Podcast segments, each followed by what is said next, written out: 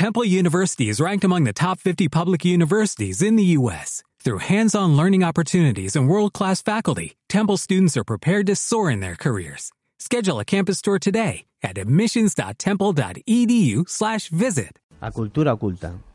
Hoxe con Manolo Pipas. Góstame as palabras e góstame máis as persoas, pero hai algunhas palabras e moitas persoas que me desgostan.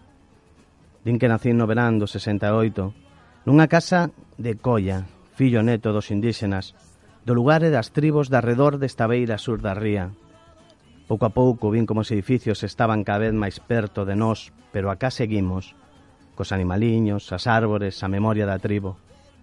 Neste rincón xa non hai toxo, pero si silvas, e tamén algún oirizo cacho, e eu tamén pincho ás veces. De cativo tive máis pesadelos que soños, e tardei en ler libros, pero non había presa que eran suficientes os estímulos cos que vivía. Non teño fillos e agora case tarde, que pola idade hai tempo que podía ter netos. Pero ás veces xogo escribo sobre as cativas e chamacos das miñas amigas e amigos. Ordeno versos, poemas e posibles letras de cancións. Dos varios libros que escribín autopubliquei tres e plantei uns poucos arbustos e árbores. Enténdome ben cos gatos, pero con poucos cans. Tento comunicar a palabra escrita e oral. Fun e son insumiso. E fixen radio cultural e libre. Limpei moito chapapote e outros lixos do capitalismo. De ser sedentario e moverme pouco, pasei a ser algo trasumante e nos últimos anos botei algúns meses do inverno no País das Nubes, no que ás veces escribo e comparto en mexicano, e a ver se as nubes me dan outra permiso para voltar. Dous recitais eu só e tamén en colectivo, e co trovador Servando Barreiro ás veces forma un dúo poético-musical. E poucos poemas son capaz de recitar, como están nos libros ou nas follas soltas, e logo algunhas veces me teñen reclamados versos que non saen nos libros. Leo desordenadamente nos últimos tempos podo escoitar tanta poesía cantada como escrita.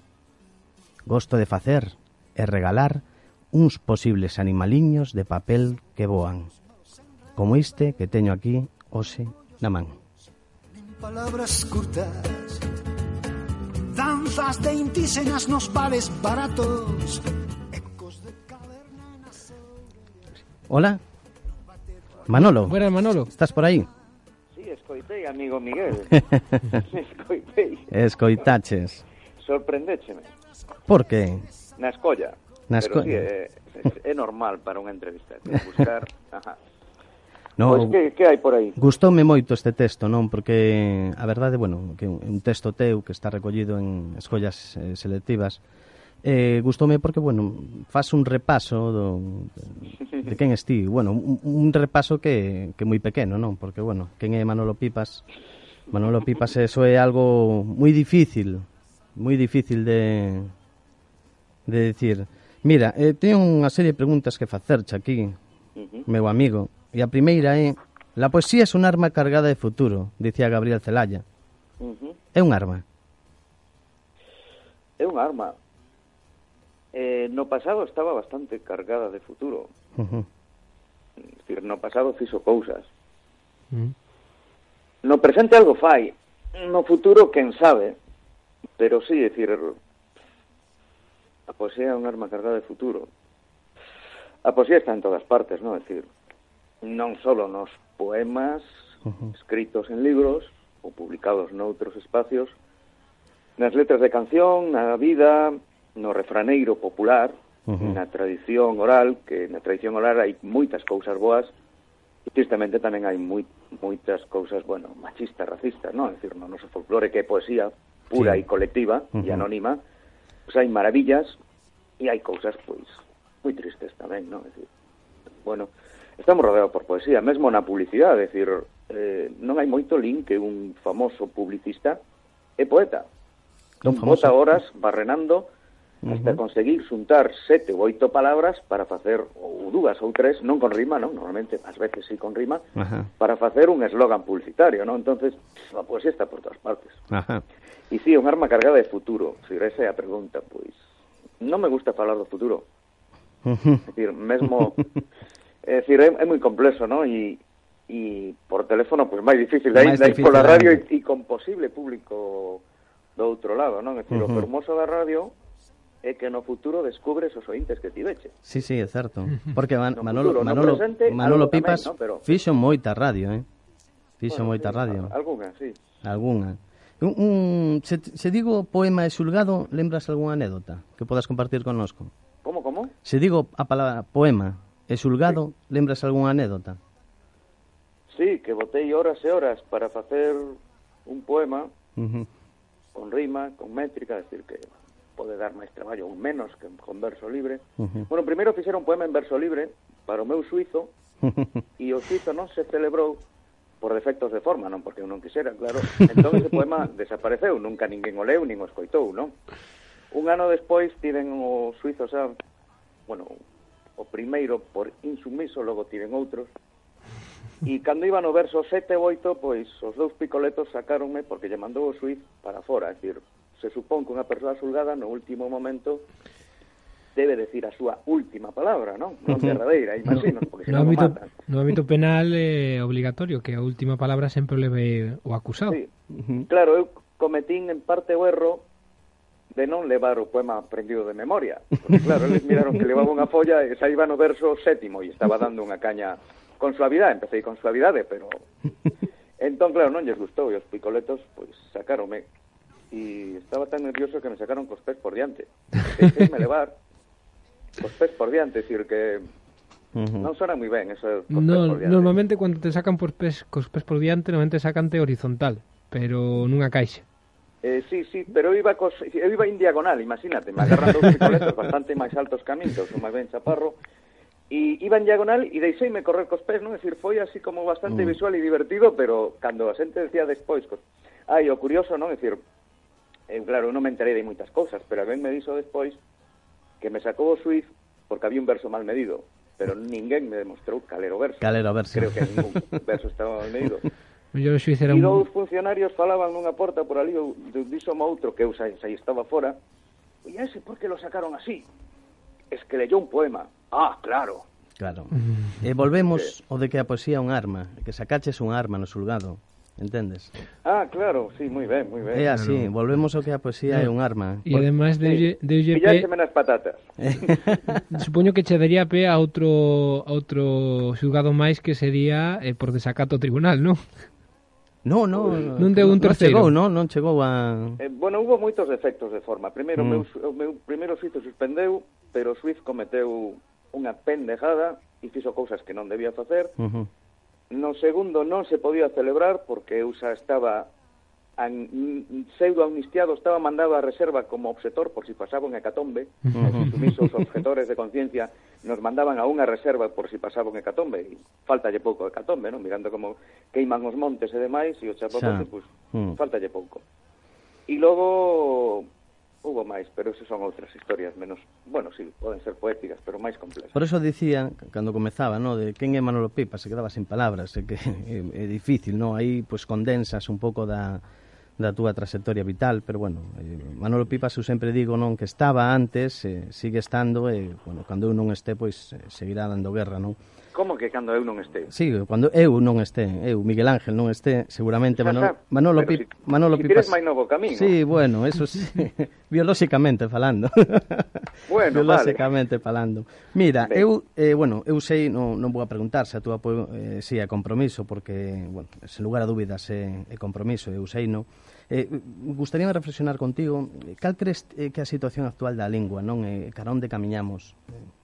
Esa pregunta é repetida. Sí, sí, sí. Antes fixese, a, fixese a, Suso, sí. a Suso de Toro, e esta, ahora... Eh, e voulla, a, eh, e voulla facer a, a todos os que pasen por aquí, porque en oh. realidad é unha reflexión que... Na que, na, na que un dometir, bueno, eu teño a miña propia idea sobre o tema. Fora de micrófono estuvemos falando de eso, por se os tamén, tamén. queren sabelo. E despois de Suso de Tero non sei se me deis a ben ou mal. Sí, sí, sí, no, fenomenal, bueno. Vale, ben. Pois pois... Quedos en verbas. É que non, pois non é unha pregunta fácil, é no. a situación actual no, no, da lingua. No Ti pensas calé, eh, cara onde camiñamos ben, no futuro? Ben, escoitei a un rapaz falar galego. Esco en Vigo? Sí. Impresionante. Bueno, é un milagro. E escoitei a outro rapaza contestarlle de broma ao seu irmán, ao seu primo, ao seu mozo, uh rapaces, eh, poñe, 14, 15 anos, despois de falar castelán, botoulle unha frase medio feita, así como deixasme non sei que tal, unha frase moi bonita cun acento moi lindo. Ah. Deixasme pampa. Sería, eh, eh, pero claro, que tampouco vin a moitas persoas. Pero onde, no onde... autobús si escoitei aos indígenas do rural de Vigo, que Vigo está rodeado de moito rural, non? Uh -huh, uh -huh. Donde viven, pois, moitos indígenas e algúns, de decir, de da vosa, da vosa terra, non? De Ourense. Sempre sí, sí, sí, que, sí. Un par de indígenas e todo de Baixo Ourensan. E que a praia máis grande de Ourense está en Samil, non? Entón, sí. eu como indígena, non? Decir, fillo, neto, bisneto, decir, de indígenas, de casualidade, non? Decir, cos ourensans levo moi ben, eh? Mm. Pois claro, no rural escoitei máis galego, pero a persoas de 50 para arriba. Sí, pero entón, nenos claro. é extraño. Bueno, que agora escoitar a lingua é moi difícil, mm. porque os rapaces están con as máquinas moi raras que mandan sapos, que non sei moi ben, e logo nunhas metidos dentro dunhas pseudo redes sociais, entón casi non falan. Si, sí, non, non hai entón comunicación entre eles. No, non. Como... claro, creo que mesmo nin escriben en unha lingua formal, non? Porque comen, cando escriben, comen tantas letras e sílabas e palabras mm. completas que decir o futuro está complexo, non? Decir, uh -huh. Vamos moi rápido. Eh, o futuro de, incluso eu diría de cualquier lingua escrita porque o ritmo que vamos no que os sí. mensaxes foron tan importantes que eu lembrome cando iba á universidade que nos exames facías eh, pois condensabas palabras, ou mellor en vez de por que puñas unha X, unha Q, unha Q, que bueno, podíanche chamar a atención os profesores. Pero actualmente, que aquí temos un decano dunha facultade, ou tuvemos varios que pasaron por aquí e varios profesores, todos teñen o mesmo problema, que escriben como se fora un mensaxe de texto. Sí, sí, que claro. moitas veces teñen o problema de que non saben o que están lendo, se si é un examen ou un, un mensaxe de texto que lle mandaron a un mm. amigo porque sí, eso pasa, non saben pasa, redactar. Pásame a min como docente, pero teñen que saber diferenciar. E non estou en contra de desas de novas formas de comunicación. Bueno, o lenguaxe é algo vivo, pero claro, ten, ten ese sitio, ese sitio. Non, non é, cada ámbito ten unha forma de expresarse diferente, non? Entonces, bueno, cando veñen no ámbito académico expresan así, pues está mal hai un, unhas canetas de color vermello que, bueno, son as que bañan esos, esos papeles. Eu, bueno, vou facer, non, non podo falar contigo e non facer referencia a, a Oaxaca, claro, a México. Son frecuentes as túas viaxes aí, non? Que, que atopas en, en Oaxaca que non hai en Galicia? E pregunto cho porque xa non polo fito de que vayas, senón cando regresas hai unha enerxía especial nos teus ollos os que estamos contigo percibimos, incluso o humor, sabes, é eh, outro. Que atopas ali? Ben, eu fui a Oaxaca por unha casualidade, porque tiña que cruzar o charco e perdín ocasións de ir a outros lugares e, e coñecín a persoas de Oaxaca bastantes meses antes de decidir a onde iba. Uh -huh. Entón empecé a coñecer persoas e a traballar con persoas indígenas e mestizas e E ese é o noso mundo, non? É dicir, aquí podemos falar de nacionalismo, de galesismo, podemos falar de indigenismo tamén, por que non? Dicir, o galego é un ser vivo, non?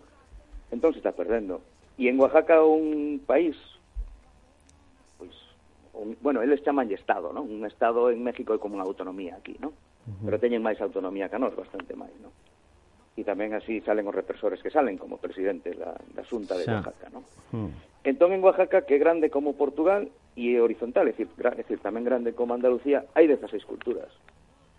Entón, eu ali imagino cousas que viviron os meus avós e os meus bisavós. É dicir, hai unha lingua irmán a nosa, ali, que é a lingua común, o castelán, castilla, o uh -huh. mexicano, hai as linguas originarias de cada povo, cada cultura, E mesmo pasa como aquí, que, decir, que hai rapaces que primeiro aprenden a lingua indígena e logo o castelán, e hai outros que primeiro aprenden o castelán e logo a lingua indígena. Por eso, decir, eu non perdo a esperanza de que o galego que un ser vivo se recupere.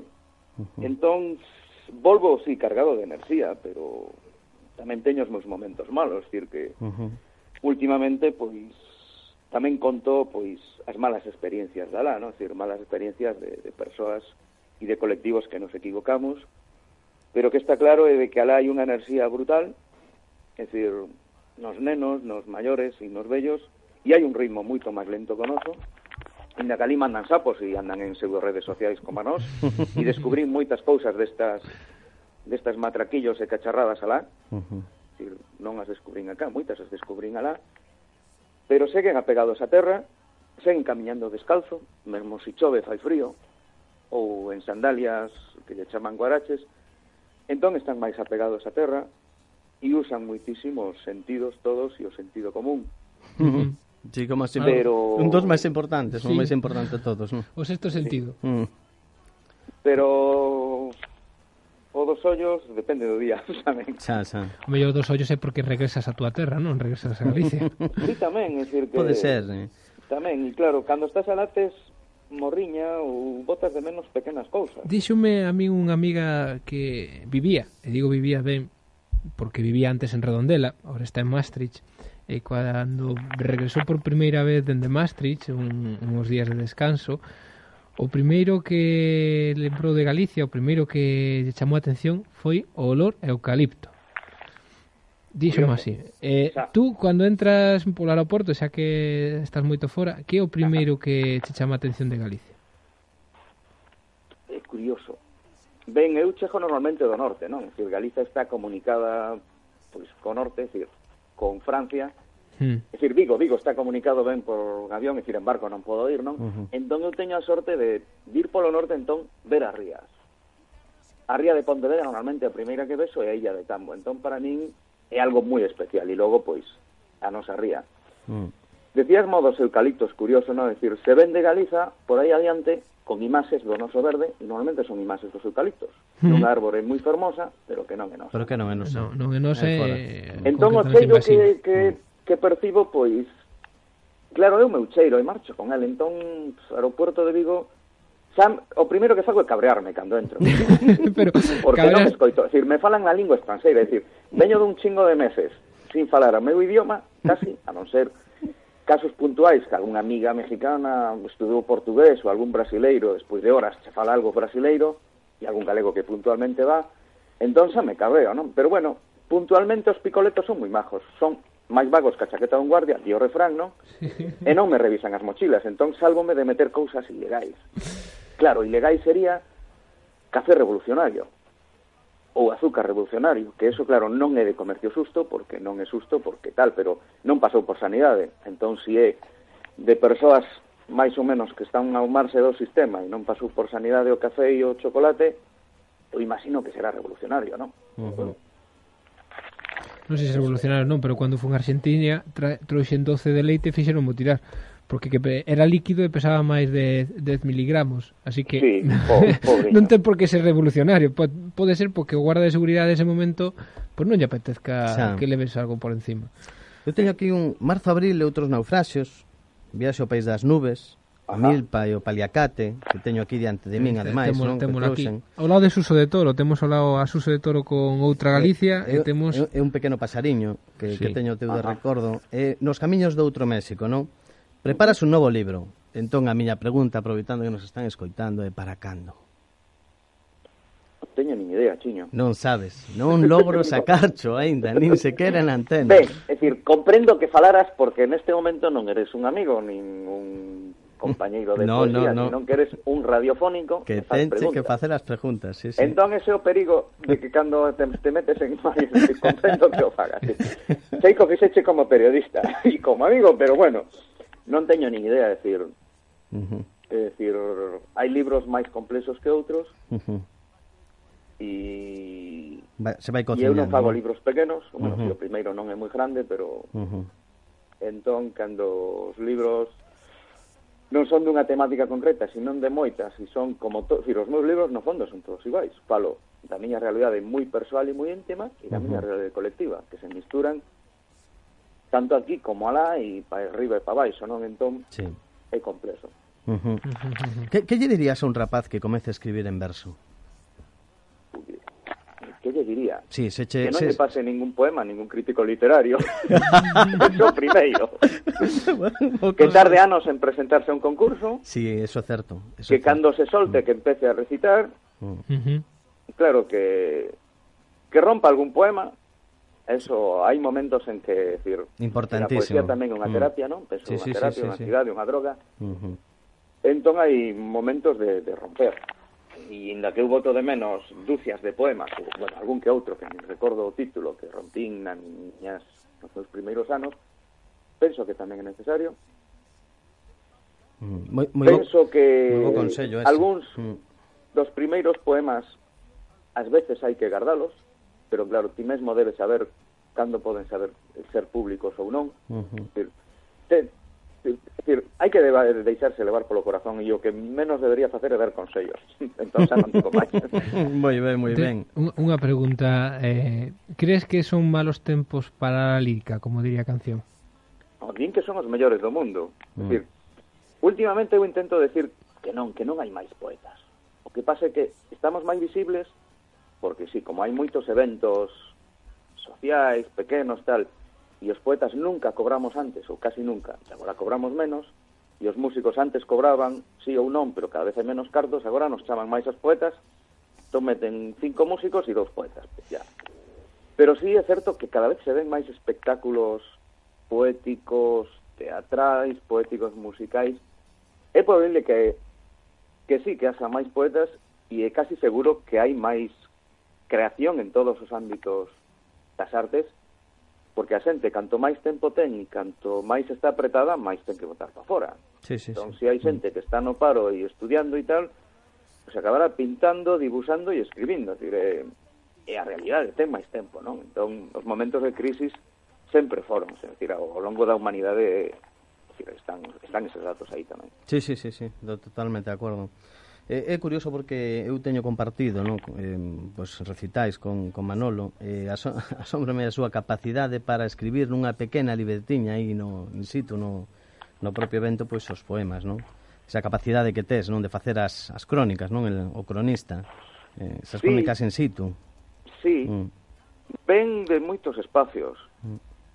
mm dun traballo de horas, de días, de tal, ven de botar de menos ese micrófono que vostedes aí, mm. agora mentre ti falabas estaba pensando que deberías a pedir disculpas ou perdón, non sei que palabra, por non estar aí, é dicir, é dicir perdese bastante de non compartir o espacio, inda que a radio ten esa masia de que solo con palabras e sin vernos podemos facer un maravillas, uh pero sí, a radio foi fundamental en a miña etapa poética, mesmo primeiros poemas que recitei, sacando un momento moi raro que pasou na prehistoria poética, que xa che contarei outro día, se si te lembras.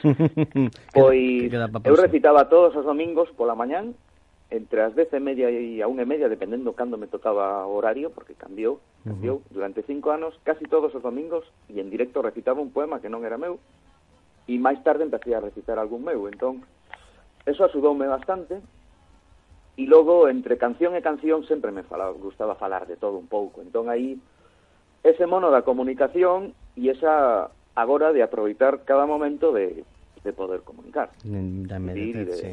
Mm. E logo que, claro, se si outros escribiran cousas parecidas, que, se si eu coñecera outros que escribiran cousas parecidas que eu fago, pois pues eu non as faría. Mm. Sí, sí, pero non, eu non coñezo ningún caso.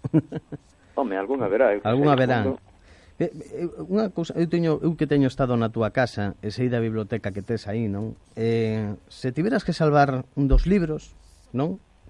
Non vai pasar, pero imagínate que, sí. non sei, hai un incendio e tes que salvar un dos libros. Cal collerías? E sei que é difícil a pregunta, eh?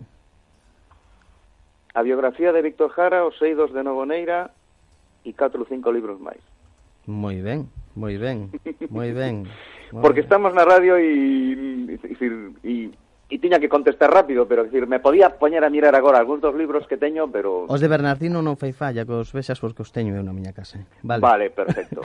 Cardería. Celso Emilio, a Rosalía... Moi ben, moi ben. Pois, e a moitos máis, non? Pois bueno, pois Pero, a... si, o, o primeiro que, que visualicei foi a Víctor Jara, decir, xuntar sí. Mm. a música, o folclore, a tradición oral mm. e o teatro na biografía dunha persoa pois alucinante que se cumpriron hai pouquiño 40 anos de que os fascistas sí. amigos dos gobernantes deste país mm. o mataron. Sí, sí, sí. Son cousas que hai que decir para que non Sí, sí, para que non se esquezan. Sí, señor. Pois, pues, eh, bueno, xa rematando, teño aquí unha última pregunta. Cando foi a última vez que escribiches un poema?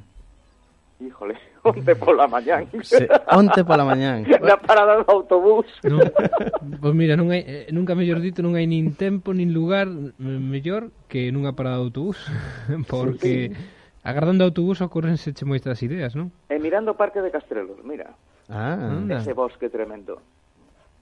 Pois, pues, sí, o sea, que latesabas por esa zona. Un bo sitio. Onte pola mañán. E falaba do outono, non? É dicir, Uh -huh. E que, bueno, ten eh, Manolo Pipas para, para todos, ten un blog, non? Envolvente nas palabras, nos que podedes seguilo. Eh, pois é un bloguero dos, de, que sigue fiel, non? Alimentando o seu blog de, coas súas creacións, que, bueno, eu creo que actualizas, senón diariamente, case. Escribir sei que escribes todos os días.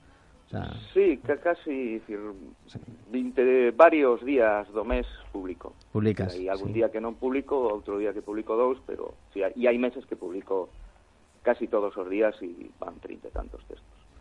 Pues, Depende eh, do momento. Sí, sí. Este, bueno, pues este eh, Manolo Pipas, que, que bueno, para todos os que nos están escoitando, de aquí a Cañiza eh, indo cara a Santiago tamén non sei sí, ata, a, a, a, ata que zona non sei, a Lalín non chegamos pero non, a Lalín non, pero por aí ah, un poquinho antes, un non sei se si a Sarria o, ben, o a Carballiño. Se con vos mm, eh, non sería máis fácil cortarvos e lanzarme, pero xa que fala, xa que non recitei ningún poema vai un moi breve. Ai, vai, vai, sí, mesmo, sí, sí. varias veces ben, ben, unhas preguntas tiven a piques de coller un teño a, os libros e a computadora por aquí tamén é dicir...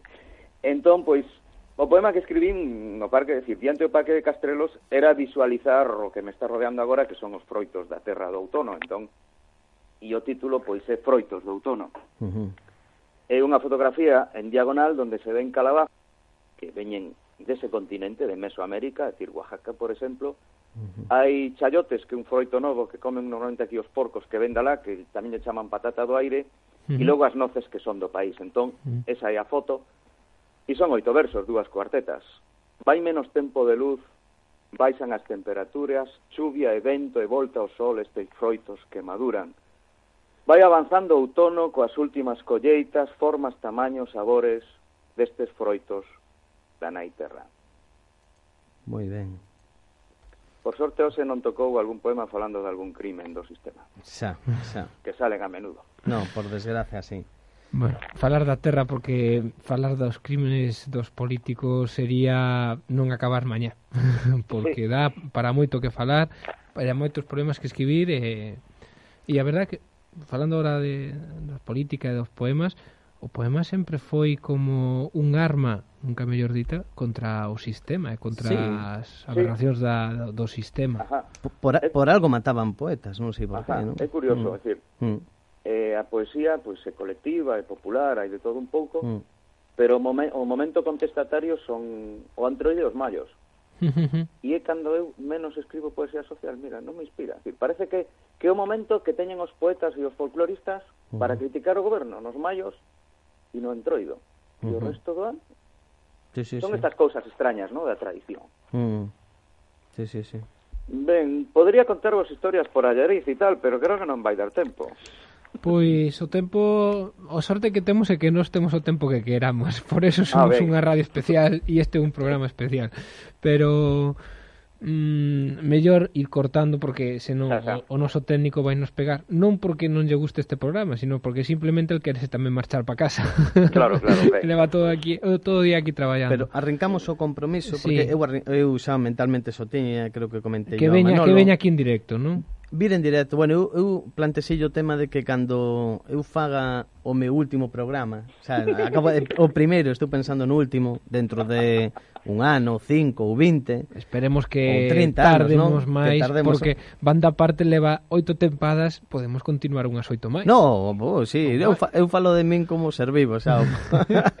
Pero, pois, eh, arrancar o compromiso de ter a Manolo Pipas. Eh, bueno, agardemos que, como eu agardo tamén estar moito tempo por aquí sementando, eh, telo antes, telo aquí sentado no socarón. Para o novo libro que está preparando. Oh, moi ben, moi ben, Iván. Que che claro. parece a ti, eh, Manolo?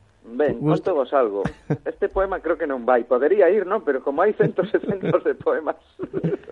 Bueno, pues, pois nunca quen sabe. estaba encentrado o libro, así que en calquer momento podes publicalo e achegarte a banda aparte para presentar eh, ese novo libro. Que che Eu parece? Estou insistindo, sabes que ben. estou intentando que o saques adiante porque cualquier libro que sexa en galego é benvido. Sí, sí. Eh, Arrancamos compromiso, entón? Anotamos na xenda? vai. Feito. Si o, decir, si o tempo e espacio non lo permite e a nai terra aí no ordena, a no permitir. Aí, así o facemos. Eh, eh feito, aquí mm, está feito, está secuéstrate escrito, un día, secuéstrate un día legalmente falando eh, Miguel Ángel, e trae que te volando en coche ou automóvil ou podes vir en tren. En en avión non? En avión non veñas porque non temos inda de momento A onde está aterraxe, non? non, non gosto nada de coller ese cacharro. Eh? Non, xa, xa. Ojalá pudéramos ir en tren hasta outro lado do charco, pero bueno. nin en barco xa podemos. Bueno, pois... Pues, Chegamos foi, tarde.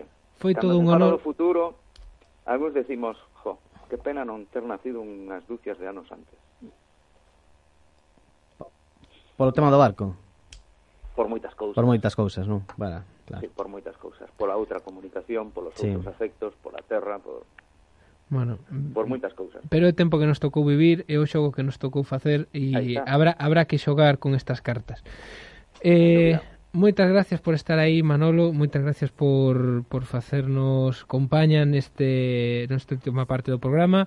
Eh, agardamos aquí mmm, cando queiras, pero sobre todo cando traigas ese o, novo, novo libro, libro de baixo do brazo. De baixo do brazo que nos adiques uns versos aquí en directo eh, e aquí te agardamos. Moitas gracias. Pois pues moitas gracias a ti por estar aí e, e boa tarde. Un placer, Para Manolo. Polo, polo vosso traballo. Join us today during the Jeep Celebration event. Right now, get 20% below MSRP for an average of 15178 under MSRP on the purchase of a 2023 Jeep Grand Cherokee Overland 4xE or Summit 4xE. Not compatible with lease offers or with any other consumer incentive offers. 15,178 average based on 20% below average MSRP from all 2023 Grand Cherokee Overland 4xE and Summit 4xE models in dealer stock. Residency restrictions apply. Take retail delivery from dealer stock by 4-1. Jeep is a registered trademark.